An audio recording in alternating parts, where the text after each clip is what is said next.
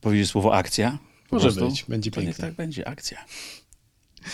Powiedz mi, jaki jest twój ulubiony film, a dowiem się, kim jesteś i dzisiaj z następującą propozycją zwrócę się do człowieka, który na ekranie dowodził legendarnym Dywizjonem 303. W czasie honoru robił niehonorowe rzeczy, polował na członka Avengers Hawkeye'a, a już 4 listopada po raz piąty zaadresuje listy do M. Piotr Adamczyk, dzień dobry. Dzień dobry. Trochę się boję tego quizu, powiedz mi swój ulubiony film, bo ja mam kłopot. Ja w ogóle mam kłopot z rankingami. Pewne rzeczy są ulubione. Ja bardzo lubię w ogóle kino, lubię filmy, ale też nie jestem jakimś takim człowiekiem, który by zapamiętywał tytuły aktorów, sceny, ujęcia. Często mam problem z reżyserami, którzy tłumaczą mi jakąś scenę, jak ją widzą. Wiesz, widziałeś tam w Chłopcach z tam w, w trzeciej części, jak tam... Ja już wtedy nie pamiętam. Ja mam wrażenie, że jestem takim wrażeniowcem. Mimo zawodu, który uprawiam, chodzę do kina na przeżycie emocjonalne. No i pięknie się składa. E, przez to trudno mi jest czasami opowiedzieć film. e, e, przez co czasami nie pamiętam, ale oczywiście zawodowa strona też mi wchodzi w, w paradę. Zwłaszcza kiedy film nie jest do końca dobry i nie wciąga na maksa i nie daje takiej um, takiego zapomnienia, że jesteśmy w tym świecie, tylko po prostu zaczynamy go oglądać jako produkt yy, i widzimy, że troszkę kiepsko kolega zagrał, a z tyłu yy, yy, źle poświecone, a tu już się nie, coś nie montuje. Jak, jak się łapie na tym, no to już nici z, z seansu. Czyli jednak ten zawodowiec z tyłu głowy cały czas pracuje w trakcie seansu. Trochę tak, trochę tak. Ale bez obaw, tak jak obiecywałem, podcast Mój Ulubiony Film to nie jest egzamin z wiedzy o kinie, okay. tylko rozmowa o tym, co lubimy. Ale chciałbym zacząć od listów do M, no bo z okazji premiery e, tegoż filmu się spotykamy. No i w tym roku mija 11 lat od premiery pierwszej części i chciałbym, żebyśmy wrócili do początków. Czy kiedy przyjmował pan rolę e, w pierwszych listach, to zdawał pan sobie sprawę w ogóle, jakim to będzie hitem, bo tego, że, że, to będzie najpopularniejsza, najbardziej kasowa seria w historii polskiego kina, przypuszczam, nikt z twórców raczej się nie spodziewał. Nikt się nie spodziewał. To było coś takiego... Hmm, TVN...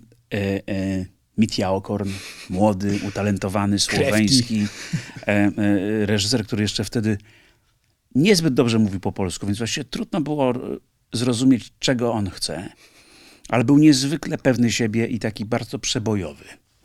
E, no i pamiętam te pierwsze jakieś próby, gdzie właściwie za każdym razem, jak coś rozmawiałem z nim, czy coś spróbowałem, próbowałem, to wszystko było dokładnie odwrotnie, że nie, że, że, że źle. No to robiłem tak, jak on chciał, też było źle, więc miałem jakieś takie prze, przeczucie, że w ogóle mu się coś nie podoba, ale to się właściwie potem okazało, że to jest kwestia językowa trochę, żeśmy się dogadywali, że tak powiem, e, praktycznie, ale nie mogliśmy się dogadać se, semantycznie.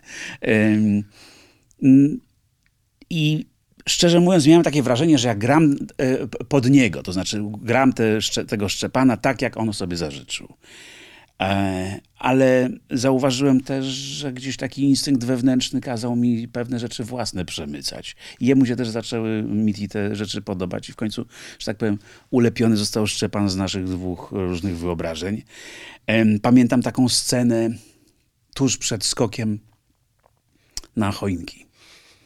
Rozmowa z e, z niedoszłym samobójcą. Jestem negocjatorem policyjnym, wytrenowanym w tego typu rozmowach, ale przeżywającym wewnętrzną tragedię, zdradę małżeńską, który postanawia właściwie uratować, tak powiem, przekonać tego skaczącego, żeby nie skoczył, ale skoczyć samemu. No i jest e, luty, czy być może tak, chyba tak, chyba luty ośnieżony szczyt 15-piętrowego blorku w Warszawie z takim schodkiem pokrytym jeszcze blachą, mhm. na którym jest śnieg. I, oni, I Mitya mówi, słuchaj, chciałbym, żebyś tak przez ten, nie, nie chodzimy po tym śniegu, nie chodzimy po tym śniegu, żebyś przez ten śnieg taki szedł i pierwsze kroki w ogóle zrobimy tak, że w ogóle nie będzie próby, bo żeby, żebyś po tym śniegu nie przeszedł, nie? Bo jest śnieg na tym dachu i tak idziesz, idziesz z rozpędu, stajesz na tym, ym, na tym parapecie i, i, i, sto, i stoisz. Ja mówię, ale stary, to jest śnieg na na blasze, to jest śliskie, no to przecież ja, jak, jak, jak ja z rozpędu jak stanę, to, to przecież spadnę, to jest 15, będziesz miał linę, będziesz miał linę, tam się, da się linę zrobić mu? No, tam mówią, no, że się da zrobić linę, no. Dopiero jak zacząłem rozmawiać z kaskaderem, bo on już mnie naprawdę gdzieś pod włos wziął ten Mitja i tak mi nakręcił makaron na uszy, że ja muszę pokazać, że, że to zrobię, że właśnie Tom Cruise przecież robi i tak dalej, i tak dalej. Przeróżne argumenty i ja właściwie już byłem gotów zaryzykować swoje życie dla listów do M1, dopóki nie porozmawiałem z kaskaderem, który sam powiedział, że tego nie wykona. I dopiero jak wszystko zmienili, no to były te sceny takie, gdzie stoję i patrzę w, ten, w, te, w, w tę przestrzeń w dół nogi się podobno uginały, ale jakoś to zagrał mi oczywiście film pomógł, upadek na materac, później kaskader, upadek z niskiej wysokości na na e, te choinki, ale scena robi wrażenie i jest, myślę, taką także z, tego, z tej pierwszej części filmu zapamiętywalną sceną. No, pana bohater Szczepan w ogóle przeszedł długą drogę zawodową. W pierwszej części był policyjnym negocjatorem, a co u niego w piątce? Bo pamiętam, że w każdej kolejnej części e, zawód się zmieniał. Szukał siebie mm. na nowo i próbował na nowo siebie wymyślić. Tak, był i taksówkarzem, i był podróżnikiem po świecie i e, dziadkiem. Traktował to jako full etat y, pracę. Mm, a tym razem myślę, że jest po prostu już y, mężem swojej żony. Y, Kariny w tej roli Agnieszka Tygant. No i ten, ta część Piątka ma także swoje, też słyszałem już pierwsze opinie. Mhm ludzi y, y, zachwyconych. E, między innymi trudną opinię, znaczy trudnego widza opinię, czyli jakiegoś siedemnastolatka, który postanowił, że dobra, no obejrzę z mamą ten film, ale do pierwszej żenady e, i się okazało, że nie, za, nie zaliczyliśmy żadnej żenady dla siedemnastolatka, bo obejrzał do końca. Więc to jest jakiś, jakiś rodzaj optym, optymistyczny. Optymistycznie mnie to nastraja i chętnie zobaczę już niedługo na premierze tę piątkę. O czym będzie? O tym samym, o świętach. O tym, że jesteśmy za daleko od siebie powinniśmy się zbliżyć chociaż raz w tym roku, a być może zachęta dla e, wielu widzów będzie taka, że należy się zbliżać i być w gronie dużo częściej. Myślę, że to jest ważne przesłanie, zwłaszcza teraz, kiedy o kinie, no widzimy nawet to kino, że ono się potknęło bardzo i kto wie, czy E, czy przeżyje ten upadek na, e, na e, choinki, bo pandemia i rozwój technologiczny i seriale, platformy streamingowe, dostępność naprawdę czegoś bardzo tej rozrywki takiej fajnej, no, wyjątkowej, takiej kuszącej, a z drugiej strony oduczenie się nawyku chodzenia do kina przez pandemię, no spowodowało to, że kino przeżywa straszny kryzys. Chciałem nawet mówić o takim, tak sobie pomyślałem, co to będzie, jak mnie pan zapyta o mój ostatni film, do, który mi się podobał. I to był film e, o Elvisie Presleyu. Mhm. Baza Lurmana. Tak. I myślę, że nie podobał mi się tak bardzo, bo film. Film super fajnie, dobrze zagrany, super. Lubię muzykę Presleya. Skojarzy mi się z, z muzyką, którą mama moja puszczała. Ale dla mnie tym, co teraz wspominam, to było wyjście do pięknego kina, takiego starego kina pod Los Angeles. Mm, sieć tych kin od 100 lat jest w rękach rodziny. I to było takie stare, piękne kino. Jeszcze ten, na takich wygodnych fotelach się siedziało, można było coś nawet zamówić do stolika i się oglądało, mając wrażenie, że, że właściwie no, Elvis Presley mógłby siedzieć obok nas i oglądać w, w, w takich warunkach sobie film, bo złoto kapie i tak dalej. Mm, I niestety ta rodzina splajtowała. Mimo, że od 100 lat ta sieć kin była w ich rękach, mm, kolejne sieci kinowe, małe kina, już studyjne też nad nie, nawet nie zauważa, padają, więc jest bardzo trudny czas. I myślę, że takie tytuły jak te listy do M, bo tak się niektórzy pytają, a dlaczego piątka, rety, już tyle tych części. A Marveli to ile już powstało? No właśnie. nie czepia. Tak jak w Rejsie. Ja lubię te piosenki, które już raz słyszałem, więc no gdzieś mniej więcej jest troszkę z tą sytuacją naszych listów do M, że to jest taki taka opowieść, ale za każdym razem opowiedziana inaczej, bo inny reżyser, tym razem Łukasz Jaworski. Zawsze są nowe rodzynki, e, zachęcające nazwiska, tym razem także zachęcamy. Janem Peszkiem, Stanisławą Celińską, e, Marysią Dębską i wieloma innymi. Już nie, nie będę teraz wszystkich wymieniał, ale e,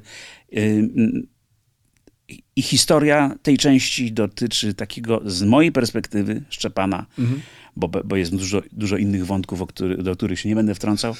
Mm, to jest y, historia tego, że no, odkrywamy troszkę rodzinę Kariny. A jest to niezwykle ciekawa menażeria i miałem dużą przyjemność pośmiać się trochę, że tak powiem, spoza kadru, kiedy widziałem swoich kolegów, którzy właśnie te menażerie odstawiają tam y, jako y, rodzinę Kariny, interesującą bardzo, więc zachęcam też do, do obejrzenia. Myślę, że mo będzie można znaleźć podobne typy, które spotkamy później przy stole na święta. No właśnie, wspomniał Pan o tych wszystkich niesamowitych nazwiskach, które pojawiają się w kolejnych częściach listów do M, a jak myślimy sobie o tej serii, to bez duetu Szczepana i Kariny, no nie sposób sobie wyobrazić filmu. No i jeszcze Tomasza Karolaka.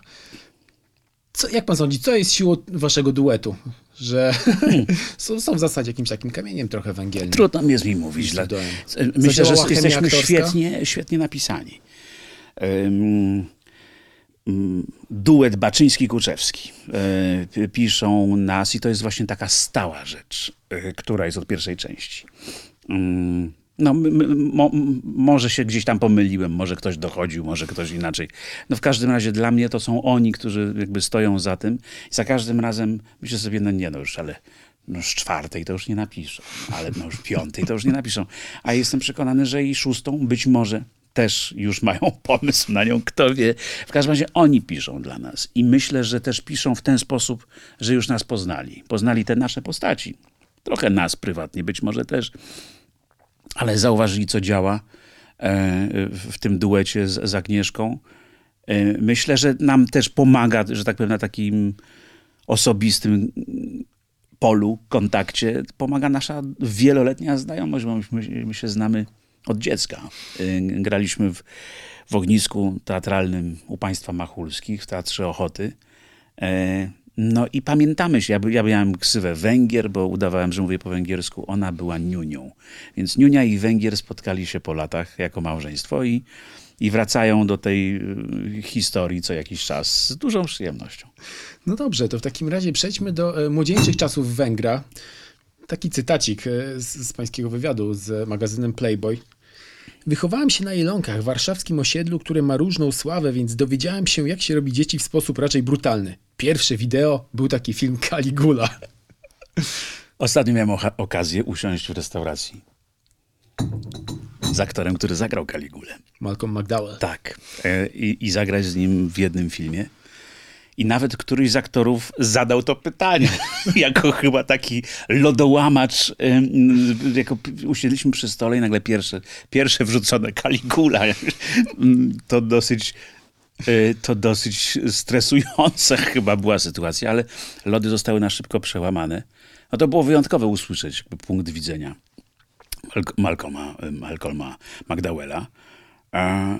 Ale chyba szybko ten temat zmienił i raczej E, raczej zaczęliśmy rozmawiać o takiej scenie kultowej e, zakrapiania e, oczu i o, o, w, w mechanicznej pomarańczy.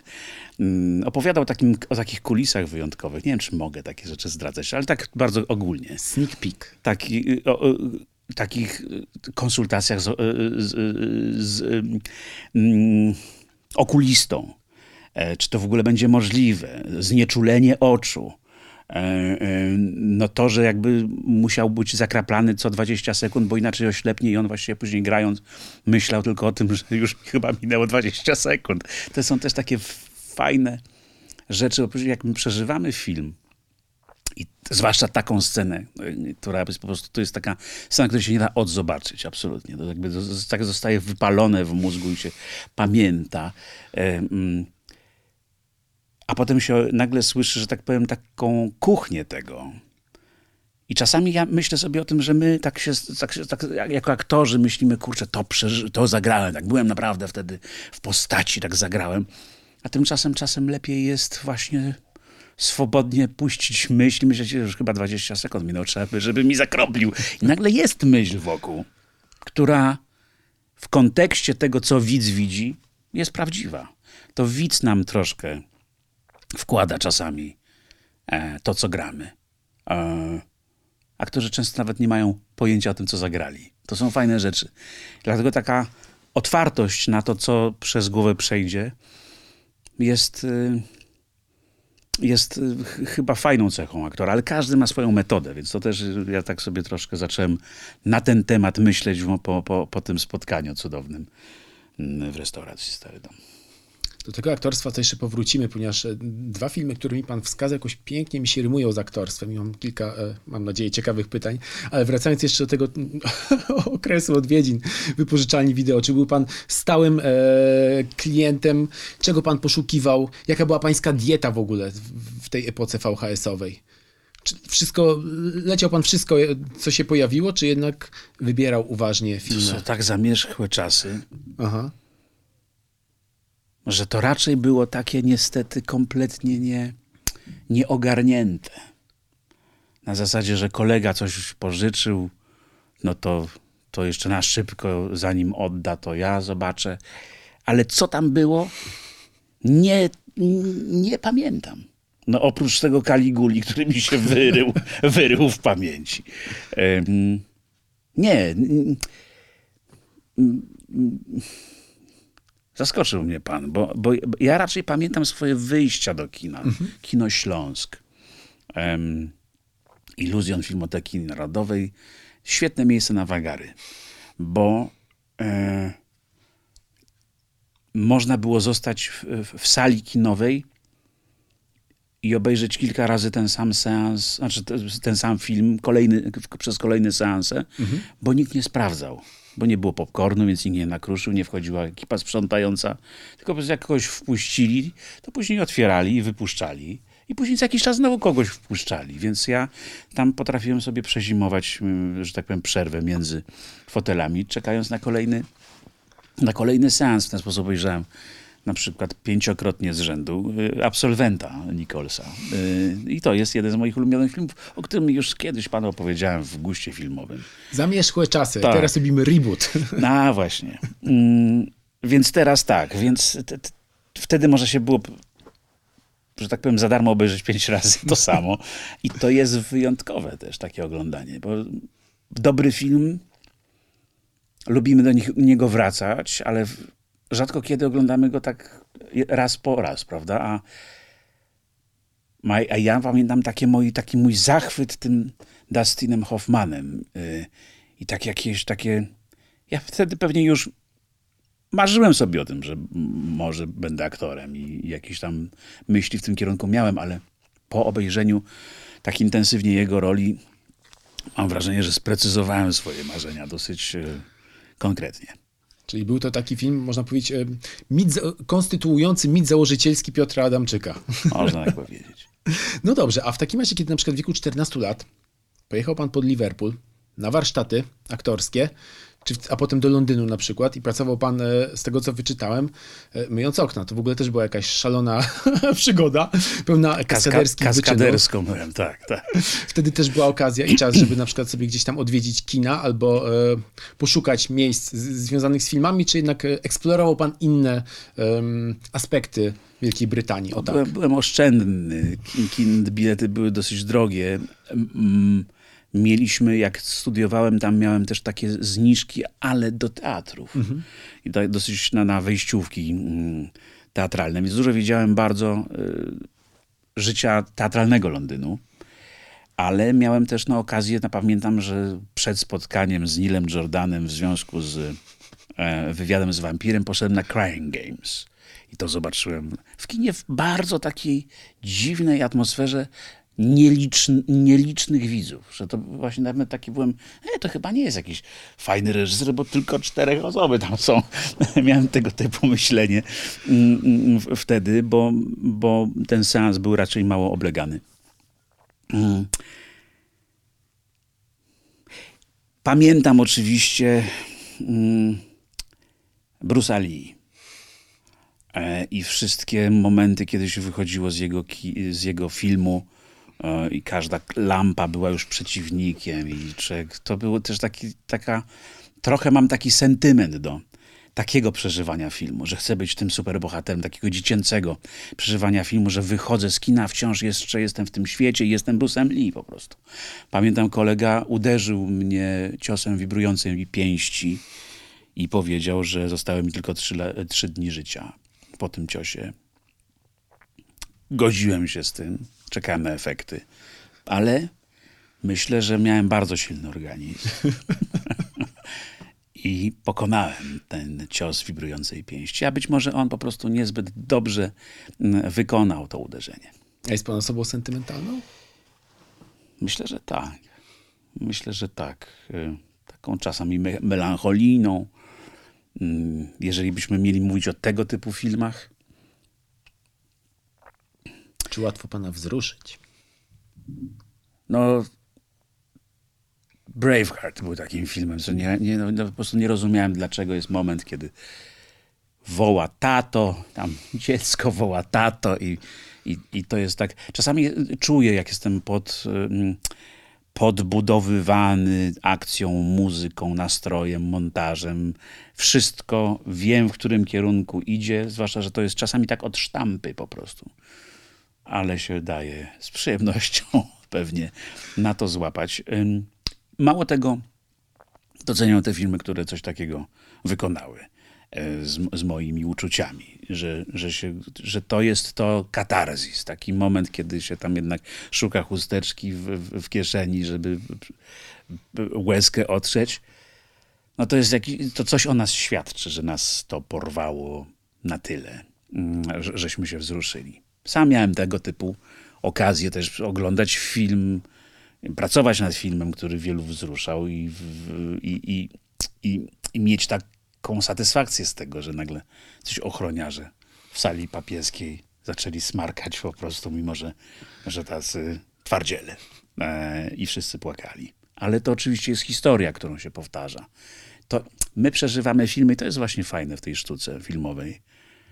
Każdy inaczej, każdy widzi zupełnie inny film, e, bo po prostu jeżeli film dotyka różnego na, naszego, naszych sentymentów właśnie, naszych melancholii, naszych wspomnień, naszych założeń albo nawet marzeń. O, chcielibyśmy, żeby żona była taka jak ta, co tam gra, prawda? Albo, albo cokolwiek mm, z naszego życia, z dzieciństwa, z, z, z, kontaktów z rodzicami, to jesteśmy, każdy z nas ma zupełnie inny scenariusz życiowy przecież.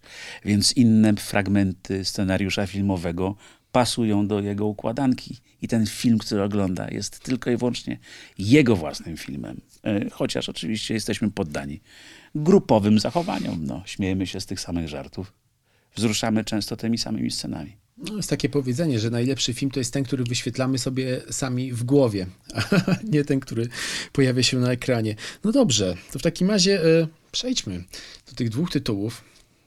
Szósty zmysł i piękny umysł. A ja tak, jest, tak przepraszam, Aha. tak rzuciłem je z palca, jak to się mówi. Y, nawet... Ale coś musiało być w tych filmach, że jednak one pierwsze może, może, może dlatego, że jest piątka listów do M, prawda? Więc szósty zmysł od razu, a później jeszcze szklana pułapka 7 powinienem powiedzieć. Y, może te numery. Nie, y, przez chwilę sobie tak myślałem, że jakoś miałem, miałem wrażenie, że mi brakuje tego typu filmów, które zakładają jakąś e, rzeczywistość trochę odmienną trochę od tej naszej rzeczywistości. Że to jest taka mm, mm zabawa troszkę, mm, jakiś taki trochę rebus. E, e, może nie intelektualna zabawa dla widza, ale raczej taka emocjonalna, ale też intelektualna, bo Dziwne to jest, że ja na przykład jestem osobą, która nie lubi co, y, jakby takich dyskusji, co by było gdyby, mhm. ale mam wrażenie, że w kinie z, z, z przyjemnością się przyglądam takiemu założeniu.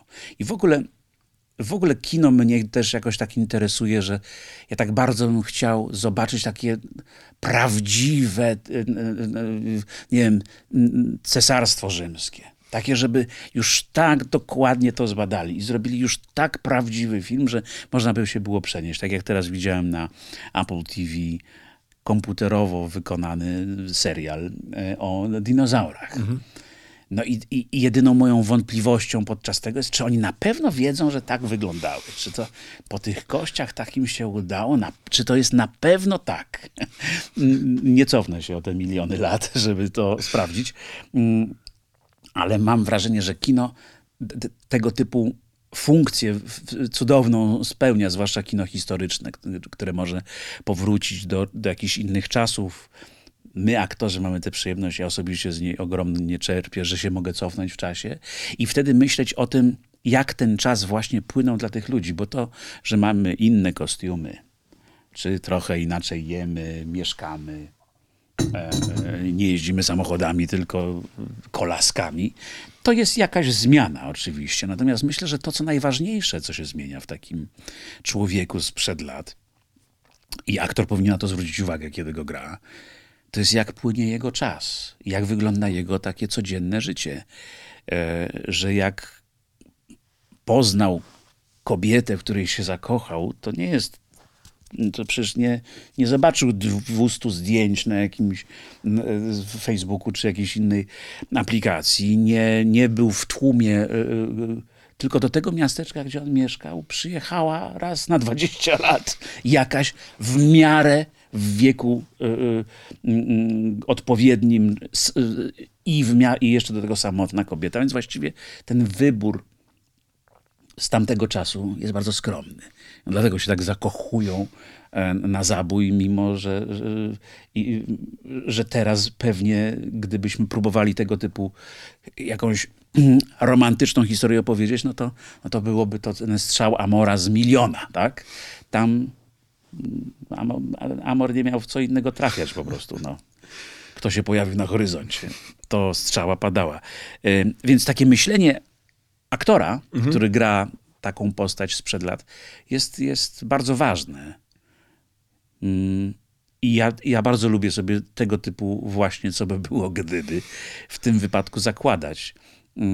Co by było, gdybym ja żył w XVII wieku i jak to wyglądało, jak roz, rozmawiali ze sobą. Bardzo lubiłem taki przedmiot w szkole, e, formy i style. Ale to nie jest ten temat filmowy, o którym ja powiedziałem panu i zadałem jakieś zupełnie. Bardzo takie... dobrze. W tym podcaście lubimy, kiedy odbijamy na no boki no i pojawiają się e, refleksje natury ogólnej. Nie dam się podpis- pod ten tytuł pod, podpisać zbytnio. Mówię o czymś zupełnie innym. Ale właśnie, ale tak zastanawiam się nawet, dlaczego to zrobiłem, że powiedziałem o tym szóstym zmyśle, mm, pięknym umyśle i takich filmach, które gdzieś zakładają jakąś zmianę, tak? Bo, mm, mhm. hmm, bo myślę, że to jest jakoś tak bardzo mi jest trudno nawet Pewnie to ma, pewnie pan jako znawca filmu może nawet dokładnie powiedzieć, jak się nazywa taki gatunek filmowy. Mówimy teraz o Szóstym na przykład zmyśle? z szóstym zmyśle. No, dreszczowiec psychologiczny, chociaż ten film miksuje gatunki, bo tam jest i kino groza, ale to przecież jest świetny no tak. dramat psychologiczny o małym chłopcu naznaczonym traumą i jego psychologu, który też w zasadzie musi zaakceptować e, pewną prawdę życiową. Mm, której... Ale zakładamy, że jest świat tego chłopca, mm. tak, w którym widać duchy. On je widzi. To jest też takie fajne, że to się tak wszystko wprost nie, nie dobija, tak? że to możemy sobie każdy troszkę inaczej interpretuje. Taką otwartość lubię, no bo, bo można pomyśleć o tym, że to jest taki świat, gdzie są duchy i tylko chłopiec to widzi, mhm. ale można też to obserwować na zasadzie, to jest jego świat i my mamy do tego wgląd jako widz, e, raz oglądając świat realny, a raz oglądając ten jego świat. Podobnie jest w tym pięknym umyśle, że ten świat tego człowieka, Russella Crowe'a, także jest nagle przez nas widoczny. I teraz ta sytuacja, czy jesteśmy w jego umyśle, czy jesteśmy w realnym świecie, myślę, że to była taka dosyć ciekawie i fajnie pokazana rzecz. Y, a także lubię te filmy takie z założeniem, y, science fiction trochę. Takie z założeniem, że, że, że, że się zmienia jakiś jeden element y, w układance. w układance i nagle właśnie co by było, gdyby jest. No ale chciałby pan coś popytać mnie o ten film? No chcę, no sp spokojnie, ale ja słucham. Słucham i pozwalam się wypowiedzieć. Ale tak, jak myślę sobie o tych dwóch filmach, to przede wszystkim one pochodzą z podobnego okresu. Szósty zmysł to był chyba 99 rok, Piękny umysł 2001, więc dobry okres w zasadzie dla Hollywoodu. Oba filmy były nominowane do Oscara. Piękny umysł zdobył zresztą główną statuetkę. I tak jak sobie myślę e, o tych filmach, to one obydwa dotyczą bohaterów posiadających pewien niezwykły talent ale ten talent jednocześnie okazuje się też przekleństwem dla nich obydwu i muszą obydwaj nauczyć się gdzieś tam z tego talentu korzystać. I myślę sobie, że to jest kurczę, można też odnieść do aktorstwa trochę, bo aktorzy, jak wiadomo, mają umiejętność tego, żeby opowiadać niezwykłe rzeczy, dotykać widzów emocjonalnie, pracują na emocjach, ale to jest też trudny zawód i zawód podwyższonego ryzyka. Człowieka wystawionego na ciągłą ocenę, człowieka, który właśnie musi pracować na tych emocjach, które czasem to emocje obciążają go bardzo mocno i jak nawet się kończy pracę nad filmem, e, to jeszcze ta rola pewnie gdzieś tam siedzi w aktorze.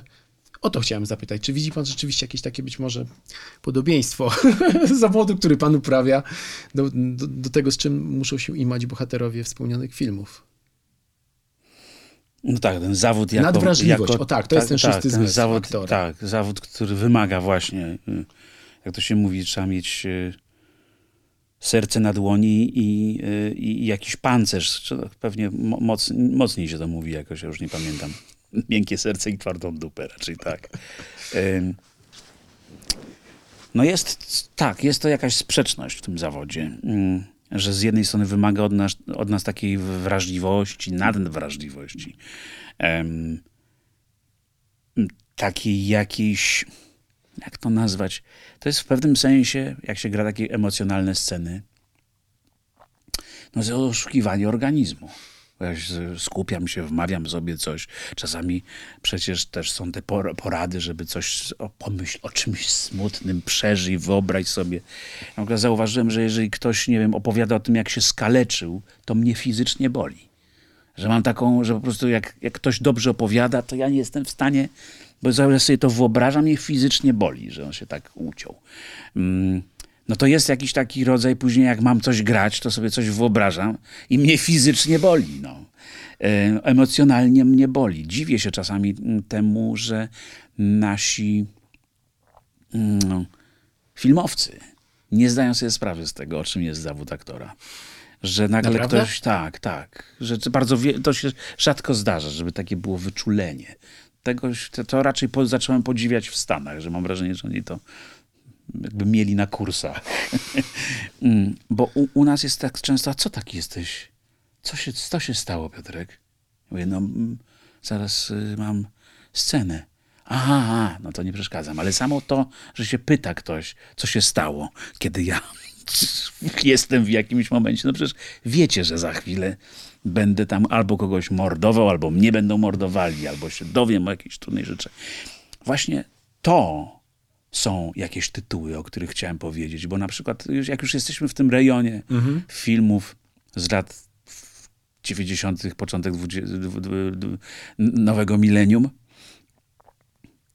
to takie trudne sceny, których teraz aż by mi się nie chciało ich grać, jakbym takie coś dostał.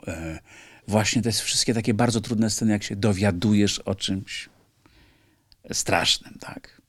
I tak sobie pomyślałem, że bardzo doceniam Angelinę Jolie za taką scenę w tym filmie.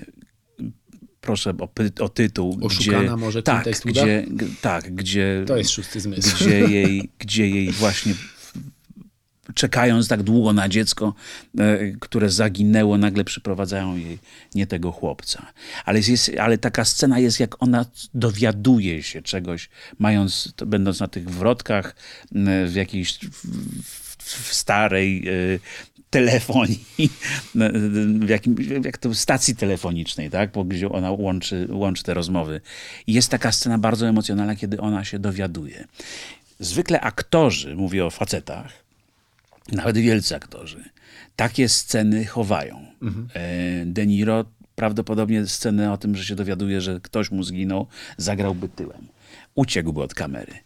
kobiety mają w sobie, aktorki, często tego typu łatwość dotknięcia tonu własnego. Oczywiście to boli, to boli, to jest wyjście ze strefy komfortu bardzo, ale, ale uruchamiają. Podobna scena, pamiętam, zrobiła na mnie ogromne wrażenie, Czarny Łabędź, czy Łabędź niektórzy mhm. mówią. E, I scena w ubikacji, e, gdzie dowiaduje się Natalie Portman znowu czegoś. I to rozwala ją. Absolutnie. No to są sceny, których się nie, moim zdaniem nie, za, nie da zagrać dwa razy. A, y, mm, a my mamy często tak właśnie, że jesteśmy sobie tutaj trochę w tym polskim kinie na, na pożarcie lwom Danii. Nie tak mówię o tym pożarciu lwom, bo mi się przypomina na przykład i nie wiem, czy ja będę mógł później negocjować, żeby, żeby zrobić e, e, autoryzację, autoryzację. cięcie. Uwaga, czy może nastąpić cięcie? Akcja. No to co, co ma zrobić? Co ma zrobić wtedy aktor? To jest takie trudne granie z tą naszą wyobraźnią, jeszcze często teraz na zielonym tle. E, potem się okazuje, że ta rana, która miała być delikatna, jest jakaś okropna, albo odwrotnie. Naopowiadali nam, że to będzie po prostu robaki będą w tej ranie chodzić, więc gramy coś strasznego, a potem jest jakieś skaleczenie. Więc jakby ta sytuacja, że aktor, który kontroluje wszystko, mhm. i to jest ten przywilej grania sobie w teatrze. Bo jak już gramy w teatrze, no to już reżyser nie wejdzie na scenę chyba że kantor tak robił. I nie będzie nagle przereżyserowywał i, i, i, i, zmieniał, to wtedy my jesteśmy panami sytuacji. Ja, partner, partnerka, wszyscy, którzy siedzimy sobie i gramy, czy stoimy y, na, na scenie, kontrolujemy tę rzeczywistość w miarę. E, natomiast film często daje tak wiele, że tak powiem, że to się potem zrobi, mm, no, że, że, że te kontrole tracimy. Ja nie jestem chyba z tego pokolenia. Niemniej jednak podziwiam tych aktorów, którzy te odważne, emocjonalne sceny grają w sposób wiarygodny. I to jest bardzo trudne. A lubi pan w ogóle grać na green... No, głupie pytanie. Nie lubi pan grać na greenboxie, ale... Ale jestem pod wrażeniem e, efektu. Znaczy, mhm. to jest kwestia po prostu zaufania. Tak jak producent pewnie decyduje się na profesjonalnego aktora, żeby zagrał, ma do niego zaufanie, do jego profesjonalizmu, to tak samo decydują się pewnie na, mam wrażenie, droższych i lepszych specjalistów od postprodukcji, mm, no w nadziei, że dobrze to zrobią, że ta rana będzie odpowiednia do tego, jak zagrał aktor. I pamiętam takie swoje doświadczenia z tego Hokaja, gdzie, gdzie no ustawiano, miałem tak, siedziałem w takiej jakiejś specjalnej klatce pełnej diod, które mi mówiły, jak, pod jakim kątem mam mieć twarz, e, w jakim tempie je przesuwać wzrok i, i, i twarz, y, żeby potem to, co ja wykonam swoją głową, pasowało do ujęć, y, które zrobił kaskader. Mm. Tylko, że ja nagle miałem na to, że no to ja mogę tak precyzyjnie tu, tu, tu tak prze, przestawić to. Natomiast, no ale w którym to jest momencie? Gdzie my jesteśmy teraz? Znaczy, bardzo byłem taki pozbawiony rzeczywistości. No bo, ale my potrzebujemy tylko pana twarz, my to wszystko zrobimy.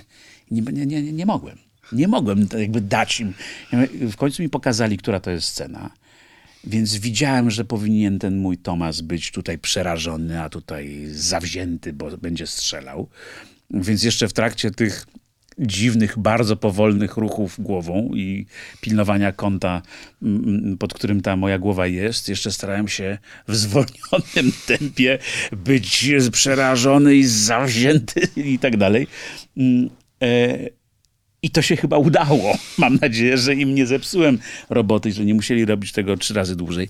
Mm, przez te, ale jest to coś dziwnego, że jakby ta nasz, nasz potencjometr prawdy, mhm. no wtedy jest po prostu jest rozregulowany, bo trzeba zagrać coś w zwolnionym tempie albo, albo się do czegoś zmusić na sztucznie po prostu. Teraz chciałem pana podpytać Wytnijmy o... tego Pawła Delo. chciałem podpytać o pańskiego kolegę z uniwersum Marvela, gwiazdę filmu Piękny Umysł, czyli Russella Crowe'a. Nie ma pan poczucia, że jemu się odechciało jak to, jako aktorowi, że na początku tego XXI wieku, właśnie po rolach w Gladiatorze i Pięknym Umyśle, był jednym, kurczę, z najważniejszych aktorów swojego pokolenia, a teraz po przekroczeniu pięćdziesiątki gra w jakichś dziwnych filmach klasy B i ma się takie poczucie, że, że stracił hmm. trochę ambicje, że już jakby nie zależy mu na tym, żeby grać wielkie, ważne role. Ja myślę, że to nie jest kwestia aktora, e, któremu się nie chce, tylko po prostu no, tytułów, które gdzieś tam mu agent kładzie na biurku. Mhm. Ale ja go widziałem w bardzo dobrym serialu, e... gdzie grał takiego... Założyciela Fox News. To jeden. Aha. To jest jeden, a drugi to chyba był film, gdzie on gra takiego obraż... E, faceta, który, którego zdradziła żona. Psychopatę takiego. Tak. I, i, i, spalił ich, mhm. dowiadujemy się o tym. A potem jakaś pani na niego na, na, na ulicy natrąbiła. I on za to, że ona na niego natrąbiła i że go nie przeprosiła, że była w jakimś. On po prostu pod, postanawia zrobić koszmar z jej życia i faktycznie jest to film grozy. Moim zdaniem bardzo pięknie budowany przez niego też portret człowieka z takiego złamanego, sfrustrowanego. Bardzo często tego typu ludzi widzimy na ulicach. Na, mo, mo, jeż, no, myślę, że jak ktoś zobaczy ten film, to się będzie bał że trąbnąć na innego człowieka. To była dobra rola. To był jednak trochę dreszczowiec klasy B. Oglądając ją Dobrze mi się go oglądało. Kurczę, no to jest facet, który powinien e, grać w oscarowych filmach. W tym sensie mam takie poczucie. Ale może to... Nie, nie, nie oceniam tego tak. No to, to myślę, że on też by tak powiedział. No. Mhm. Kurczę, tylko dajcie taką rolę. On też się bardzo zmienił fizycznie. Um, ale to, wie pan co, to nie był taki aktor. tak to się chyba nazywa. Tak, tak. To nie był taki aktor, który ja pamiętam, że tak, no, no gladiator, tak, go zbudował, wiadomo. Ale ja jakoś taki nigdy nie byłem wielkim fanem Russella Crowe'a. Raczej doceniam go teraz. To jest dla mnie dziwne, że te role teraz, oczywiście piękny umysł, ale te, te role nawet w tym, jak pan powiedział, psychopata, z jakiego, w jaki film? Nieobliczalny. Nieobliczalny. Tak się chyba nazywało. Nawet jeżeli to jest klasy B, czy jakaś taka niższa produkcja, uważam, że, że jest bardzo interesujący do oglądania.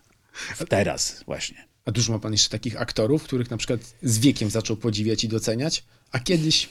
No... Hmm. Myślę, że się zafiksowałem teraz na Larselu Crow. No pamiętam, jak, jeżeli mówimy o jakichś takich wrażeniach, no to mhm. pamiętam sw swoje pierwsze y, wrażenie, kiedy widziałem, mm, co gryzie Gilberta Grape'a mhm. i byłem takim swoim młodzieńczym oburzeniem dotknięty do żywego, jak można zatrudnić niepełnosprawnego intelektualnie chłopca do filmu. I, i, byłem, I naprawdę oglądałem ten film z oburzeniem, nie mogąc zauważyć tego, że to aktor. To, I to, to do mnie dotknę, dotarło w sposób taki, e, no, w, znaczy, to był mój osobisty Oscar dla, dla Leonardo DiCaprio za to, co wykonał wtedy. Mm, dałem się nabrać, absolutnie. No jest to aktor, który przeszedł długą drogę od e, Lovelasa z e, Romeo Julia, Titanica, po dojrzałego, znakomitego aktora. W tej chwili to podobnie największej hollywoodzkiej gwiazdy, której nazwisko na plakacie to jest taki trochę stempelek, że jak jest film z DiCaprio, to warto tak. zobaczyć i wydać te 30 zł na bilet do kina. Piękna droga. No dobrze, a wracając do szóstego zmysłu, no bo to jest jednak trochę kino grozy. Pan lubi się bać w ogóle na filmach? Czy gatunek horroru? Nie. Nie, Nie lubię się bać. Wie pan co, ja chyba tak naprawdę na odwal się dałem panu te tytuły. E, ale one są też interesujące do pogadania. Mm, mm, nie lubię się, znaczy tak naprawdę mhm. podziwiam filmy, które budują napięcie, nie pokazując tego nie waląc, jak to w tanim horrorze nagle po heblach dźwiękowo i i wtedy wszyscy podskakujemy i mamy e, i pop, popcorn leci w górę i się działa. Dobre, dobry. Bez, bardzo doceniam te filmy, które budują napięcie.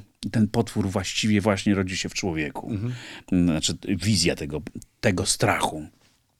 Mm. Ale nie przypomnę sobie teraz tego, jakby co, co, co mnie... Nie, nie, lubię, nie, nie lubię filmów grozy tak zwanych, mhm. także z tego względu, że ja, tak jak pan powiedziałem, e, mam taką emocjonalną pamięć. E, I filmy te budują, na przykład wiem, niechcący mhm. weszliśmy na film It. E, z klaunem Pennywise'em. Z klaunem, tak. I, i tam i, i zdążyliśmy obejrzeć, moja żona przeżywa horrory w, sposób histeryczny, że ona w ogóle jakby nie powinna nawet się pojawić blisko kina, w którym taki film jest kręcony. Natomiast ja miałem taką trochę taką satysfakcję, że ja zobaczymy, jak długo wytrzyma. Pomyliłem się, po prostu weszliśmy do innej sali. Na co innego szliśmy w ogóle. Ale potem, za każdym razem, jak widziałem ten takie... przy ulicach w, sta w, Stanach zupełnie inaczej wyglądają studzienki e, e, uliczne, gdzie spływa woda i tak dalej. One są z boku jakby pod, pod krawężnikiem taka jakaś większa dziura tam jest. Znaczy, śmieci mają też większe po prostu, dlatego i deszcz pewnie ma większe krople, więc dlatego takie duże to jest. No i ta scena z, pier z, pierwszych minut tego filmu, który jeszcze zdążyliśmy zobaczyć i potem Karolina wybiegła z kina, no to był ten, ten clown właśnie w tym, pod tym krawężnikiem i ja się nie mogę pozbyć teraz tego widoku, jak jestem w Stanach i widzę podobne studzienki. E więc lepiej się nie straszyć w życiu. Jak to się tak źle kojarzy, czy jak ma jakieś takie spięcie. Niektórzy to lubią. E, ja wolę się wzruszyć, a najbardziej się lubię śmiać w kinie. A co pana śmieszy w takim razie? Bo to też poczucie humoru każdy ma inne. Jeden lubi Louis'ego Definesa, a drugi na przykład Sefa Rogena. Co w panu uruchamia? No to ja jestem z, z fan klubu Louis, Louis Definesa raczej. E, ale pamiętam ogromną przyjemność oglądania starych. Właśnie żałuję, że nawet mm, no, no, można na YouTubie gdzieś tam pewnie znaleźć, ale mm. żałuję, że w kinach się nie puszcza takich bardzo starych, niemych kin, y, filmów, jeszcze z okresu niemego kina. Mm, no bo ja pamiętam Flipa i Flapa, czy, czy, czy uwielbiam oglądać Czeplina. Iluzją się kłania. Iluzją się kłania, ale także taki program w starym kinie, mhm. który co jakiś czas puszczał naprawdę Mm, czasem gdzieś zauważam jakąś linią lotniczą latając. Jest jakiś taki, że oni mają um, miejsce, gdzie można poczekać, gdzie jest telewizor i leci w kółko cały czas jakieś e, stare filmy e, Charlie'ego Chaplina. I ja prawie się, prawie się spóźniłem na, na samolot, mimo, mimo że miałem oczekiwanie z 5 godzin, bo się po prostu gapiłem w to e, bez przerwy, więc mnie śmieszą chyba jednak bardzo proste rzeczy. To, co zawsze działa. Ale to nie jest też taki śmiech z mojej strony, im jestem starszy, tym, tym gorzej, myślę. Mm.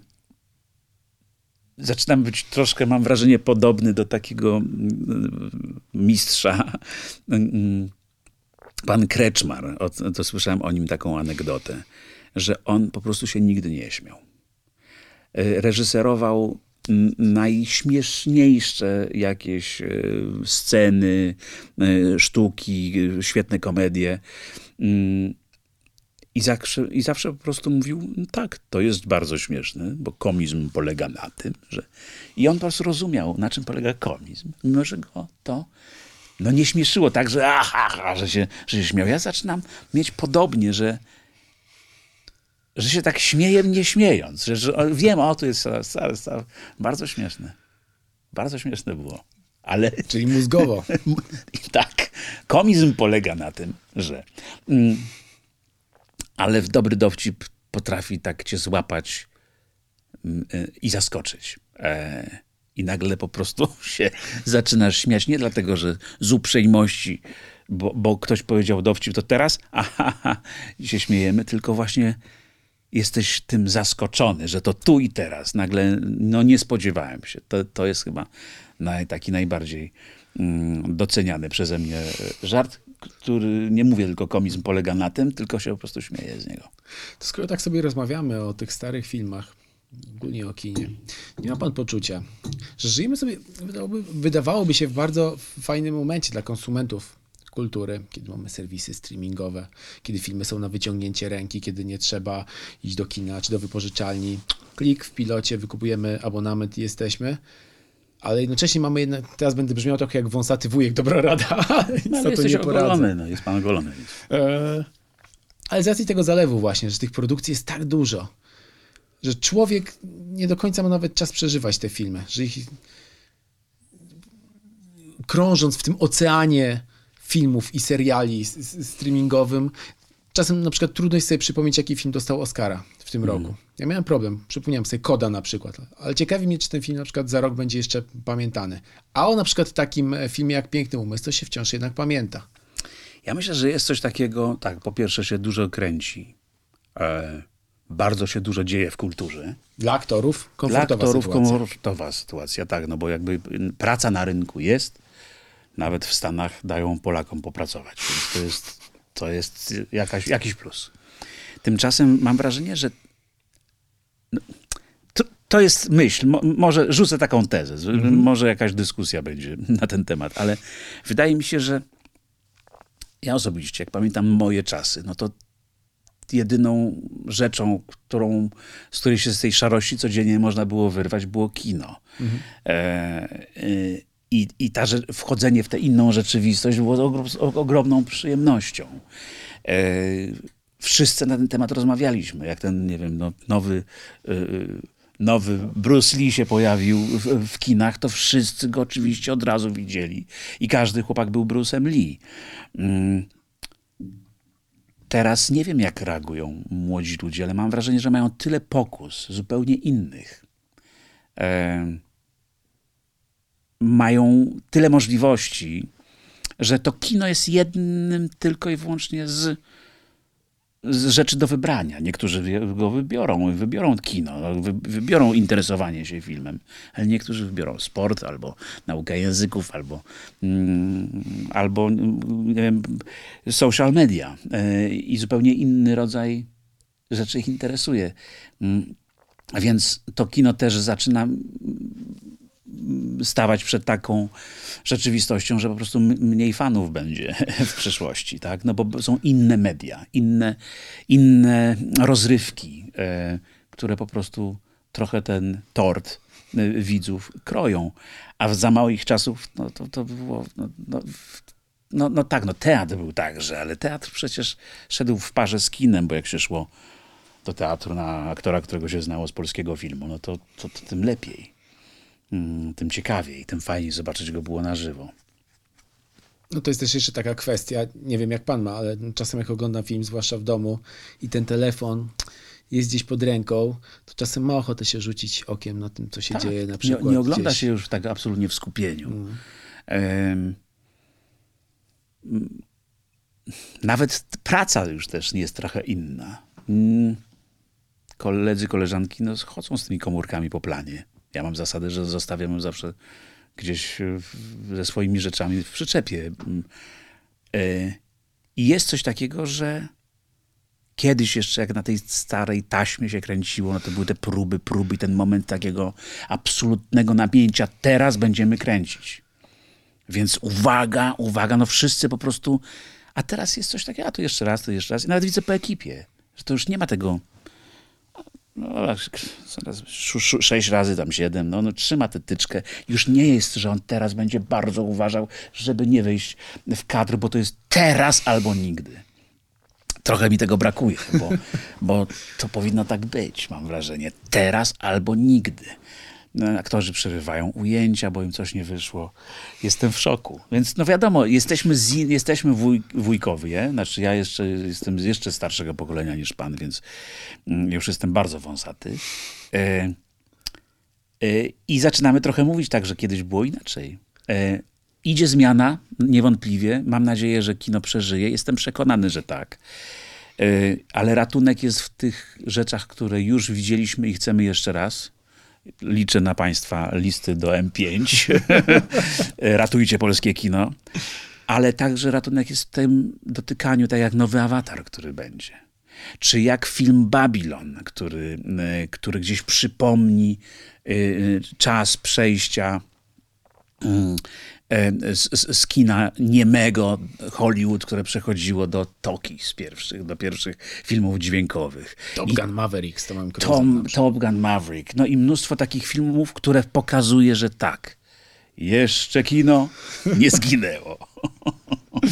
No to cóż, takim e, pięknym hasłem do ustach możemy zakończyć tę naszą e, rozmowę, zapraszając właśnie widzów na film Listy DM5 od 4 listopada na wielkim ekranie, nie tak jak czwórka na streamingu, tylko w kinach. Trzeba wstać, ubrać się, pojechać, tak kupić bilet. A może będą już niedługo już takie ultramaratony, wszystkie pięć części po kolei, to ja wtedy będę mógł tę czwórkę zobaczyć, bo też nie chciałem jej obejrzeć e, na ekranie telewizora i czekam, że czwórka się pojawi w kinie kiedyś. No, wtedy ją zobaczę. To jest gruby pomysł. Tak, Trzeba w takim razie, tak. zgłaszamy się do kiniarzy, organizujemy maraton listów do M5.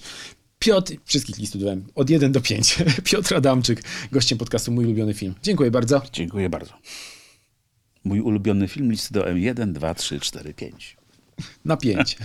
Wielkie 5. Dzięki.